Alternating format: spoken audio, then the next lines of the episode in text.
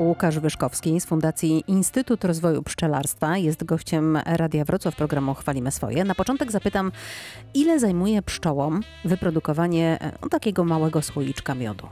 Wszystko zależy od tego, jak mocny, jak silna jest rodzina i wszystko zależy od tego, jaki to jest miód, z jakiego pożytku. E, jeżeli są to rośliny, które nektarują obficie, to wtedy jest to mniej czasu. E, jeżeli są to rośliny, które nektarują mniej obficie lub koncentracja cukrów w nektarze jest mniejsza, to jest to wtedy dłuższy czas. Natomiast y, powiem ogólnie, jeżeli na przykład kwitnie lipa, tak, no i ona kwitnie zazwyczaj w połowie czerwca zaczyna kwitnąć, tak, i to kwitnienie jest w optymalnych warunkach, jest nie za ciepło, ciepłe noce, ale parne, wilgotne, jakiś mały deszczyk, no i te pszczoły zaczynają zbierać nakrop, zbierać nektar, zwożą go do ula i tam zaczynają przerabiać w miód. No to zajmuje to przynajmniej 10-14 dni, tak żeby, żeby ten ul był zapełniony tym miodem i później kilka dni odparować większą ilość wody, tą niepotrzebną ilość wody z tego nakropu, żeby ten nakrop, ten nektar zmienił się w miód. E, czyli powiedzmy to jest jakiś trwający kilka, ale powiedzmy od 7 do 14 dni proces. Ale powiedział Pan, e, zwróciłam na to uwagę, jeżeli jest silna rodzina, co w przypadku pszczół znaczy silna rodzina? Silna rodzina to znaczy, że ta struktura, po pierwsze jest bardzo dużo osobników, czyli powiedzmy, że mamy rodzinę, która ma 45, 50, 60 tysięcy osobników i w tej rodzinie występuje, czy jest odpowiednia struktura pszczoły ulowej do pszczoły lotnej, o w ten sposób można powiedzieć, czyli jest jakaś określona liczba pszczół, które pracują pracują w ulu i do tego jest bardzo dużo pszczół, które wylatują z, z ula, ponieważ e, w przypadku pszczół mamy do czynienia z podziałem pracy. To nie jest tak, że pszczoły sobie wybierają, co dzisiaj robią i tak dalej, ale w zależności Obowiązki od wieku... są delegowane. Tak, ale one są delegowane w sposób e, stały, to są jasne kryteria, tutaj ścieżka awansu jest e, bardzo jasno ustalona, wynika ona z wieku i w zależności od wieku pszczoły ona się zajmuje odpowiednimi pracami. Więc pod koniec swojego krótkiego, ale burzliwego życia pszczoła zajmuje się tak zwanym zbieraniem, czy, czy jest pszczołą lotną i pracą poza ulem. No i ona wtedy lata po wodę, po nektar, popyłek. O inteligencji pszczół e, napisano i powiedziano już naprawdę wiele, a mimo to e, nie przestaje ona fascynować naukowców, e, pszczelarzy i przeciętnych zjadaczy miodu. Panie Łukaszu, co pana najbardziej w tej inteligencji fascynuje? Generalnie mnie najbardziej fascynują wszystkie procesy związane z życiem społecznym pszczół, tak?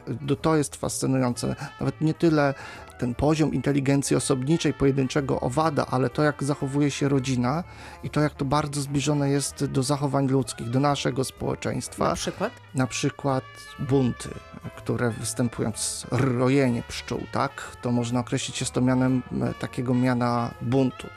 Pszczoły odhodowują sobie kolejną matkę, rój się dzieli, część pszczół w ogóle wychodzi ze struktury macierzaka, czyli tej rodziny takiej, która się dzieli i tam dochodzi do różnych takich społecznych podziałów, tak? I wtedy rodzina ta nowa, kiedy wystąpią też sprzyjające okoliczności, wychodzi z ula. Jeżeli mówimy o buntach, pszczoły potrafią pozbyć się starej matki, i odchować sobie nową, jeżeli stwierdzą, że ona nie spełnia e, swoich funkcji, czyli jest tak naprawdę zagrożeniem dla swojego społeczeństwa. Są tak? brutalne.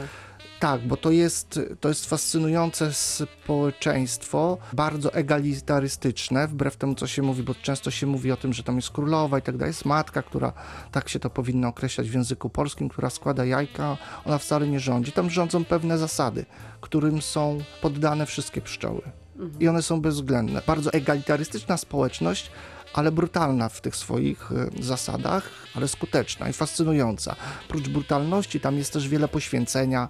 E, pszczoła, na przykład chora pszczoła, zawsze będzie dążyła do tego, żeby wylecieć z ula po to, żeby ochronić swoje siostry. Nie zarazić? Tak, mhm. tak, tak. Wobec tego no, no to jest fascynujące. Szczególnie dla kogoś, kto miał do czynienia trochę z polityką i z, no, miał możliwość obserwowania też zachowań ludzkich. A pan jest z wykształcenia politologiem? Jestem z wykształcenia politologiem i również w życiu, powiedzmy, zawodowym zdarzyło mhm. mi się zajmować polityką. E, jakie jeszcze zasady, e, które są e, takie bardzo istotne w tej społeczności rządzą? No to jest na pewno oddanie pracy, tak, i to zostało, jeżeli mówimy o takich różnych ciekawych badaniach, to niemieccy naukowcy badali kiedyś zachowania dotyczące emocji pszczół i to zostało zbadane. Pszczoły odczuwają radość, smutek, złość i tak dalej. I co się okazało, badano pszczoły w czasie pracy i kiedy zdiagnozowano, który obszar w ich układzie nerwowym odpowiada za, za radość, za odczucie radości i kiedy on jest aktywny, to okazało się, że najbardziej aktywny jest wtedy, kiedy pszczoła pracuje i kiedy jest z innymi pszczołami. Natomiast kiedy pszczoła jest bezrobotna albo kiedy jest sama, sama to wtedy uruchamiają się te obszary, które wskazują, że pszczoła odczuwa smutek. Czy pszczoły pana y, rozpoznają, lubią i jak y, generalnie wygląda ta wasza relacja? To jest częste pytanie. Łukasz, słuchaj, bo te twoje pszczoły to cię pewnie poznają, więc masz łatwiej i tak dalej, i tak dalej. Ja zawsze z przekąsem od, odpowiadam w ten sposób. Jeżeli te pszczoły mają powód kogoś nie lubić, to właśnie mnie. Z jakiego powodu? Bo je ukradam. A one mają właśnie do tego, co wytwarzają, e, taki mocny stosunek własności? Wszystko zależy od czasu. Kiedy? Od, od pogody, nastroju pszczół i na poziomie indywidualnym i na poziomie rodziny, czyli jako superorganizm. Każda z tych pszczół, każda z tych rodzin ma własny charakter, własną jakąś osobowość i to zależy. Jeżeli na przykład jest wiosna, ładna pogoda, i pszczoły czują, że a jest jeszcze sporo czasu, wszystko nadrobimy, to można w krótkich spodenkach robić miodobranie bez dymu, na spokojnie i tak dalej. Tak Są przyjaźnie nastawione wtedy? No tak, generalnie jakoś specjalnie nie bronią mhm. tego, swojego, tego swojego zapasu, tak? no bo my je okradamy z zapasu. Może ja tak mówię okradamy, ale to jest cały czas z przekąsem, tak? Mhm. To, to nie polega na tym, żeby je ogołocić z zapasów i zostawić same, same sobie, tak? My pszczelarze wiemy, jak to zrobić, żeby ta rodzina sobie poradziła, żeby to nie było dla niej zbytnim obciążeniem. Wobec tego, jeżeli robimy miodobranie wiosenne, no to one są zazwyczaj e, łagodne. Te późniejsze miodobrania to też zależy od rasy pszczół, od, tak jak powiedziałem, charakteru, pogody. Bywają takie, że czasem pszczoły są nerwowe, a czasem też jakąś im specjalnie nie, nie zależy. Się... Natomiast to jest też, pszczoły zawsze bardzo bronią dostępu do gniazda, do ula, do barci, bo w przyrodzie występują one w, w barciach, nie w ulach. Natomiast y, ludzie jako mm, gatunek teres, który też dąży do komfortu swojej pracy, mm, wyhodowaliśmy rasy w kierunku miodności, łagodności, nierojliwości, czyli tego wszystkiego, co jest potrzebne do komfortowej pracy pszczelarza. Skoro wychowaliśmy, to znaczy, że one y, jednak są trochę spolegliwe. Tak, tak, oczywiście. No to też y, całe pszczelarstwo polega używać różnych trików i wykorzystywać charakter y, pszczół, właśnie na przykład ich oddanie w pracy do tego, żeby przyspazać je i ludziom tej radości w postaci miodu. E, dzisiaj opowiada Pan o pszczołach, o tym, co dobrego robią dla środowiska, dla naszego życia. A co by było, gdyby pszczół nie było?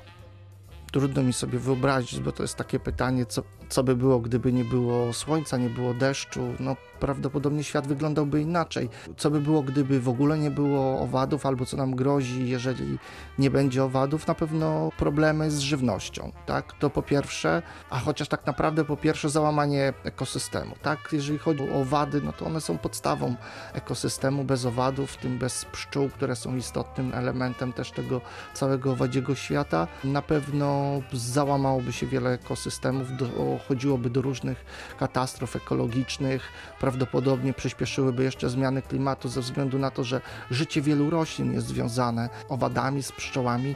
Wobec tego e, prawdopodobnie wyginęłyby również, czy inaczej zniknęłyby równe, również gatunki pewnych roślin albo wielu roślin. Skala zjawisk, które mogłyby wystąpić, ich charakter jest naprawdę trudna do określenia. Powiedział Pan zmiany klimatyczne, to jeszcze o to dopytam. E, jak pszczoły znoszą zmiany klimatyczne? Jak one się do nich nich adaptują?